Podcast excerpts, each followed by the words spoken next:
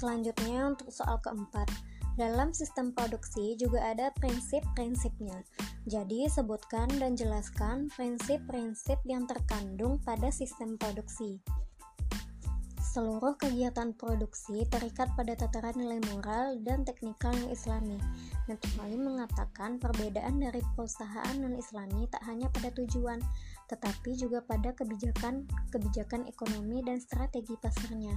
Produksi barang dan jasa yang dapat merusak moralitas dan menjauhkan manusia dari nilai-nilai religius tidak akan diperbolehkan.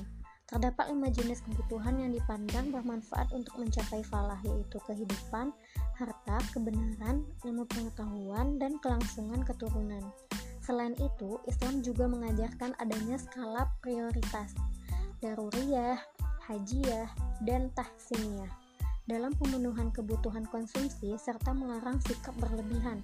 Larangan ini juga berlaku bagi segala mata rantai dalam produksinya. Kegiatan produksi harus memperhatikan aspek sosial kemasyarakatan.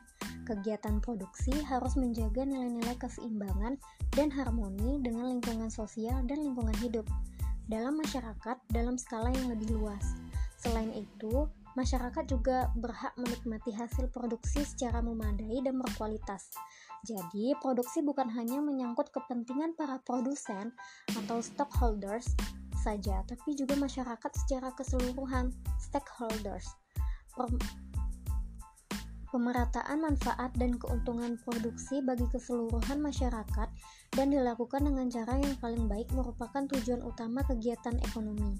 Permasalahan ekonomi muncul bukan saja karena kelangkaan, tetapi lebih kompleks. Kegiatan produksi dan perspektif Islam bersifat altruistik, sehingga produsen tidak hanya mengejar keuntungan maksimum saja.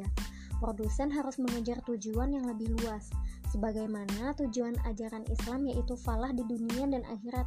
Kegiatan produksi juga harus berpedoman kepada nilai-nilai keadilan dan kebajikan bagi masyarakat. Prinsip pokok produsen yang islami yaitu memiliki komitmen yang penuh terhadap keadilan, memiliki dorongan untuk melayani masyarakat sehingga segala keputusan perusahaan harus pertimbangkan hal ini. Optimasi keuntungan diperkenankan dengan batas kedua prinsip di atas.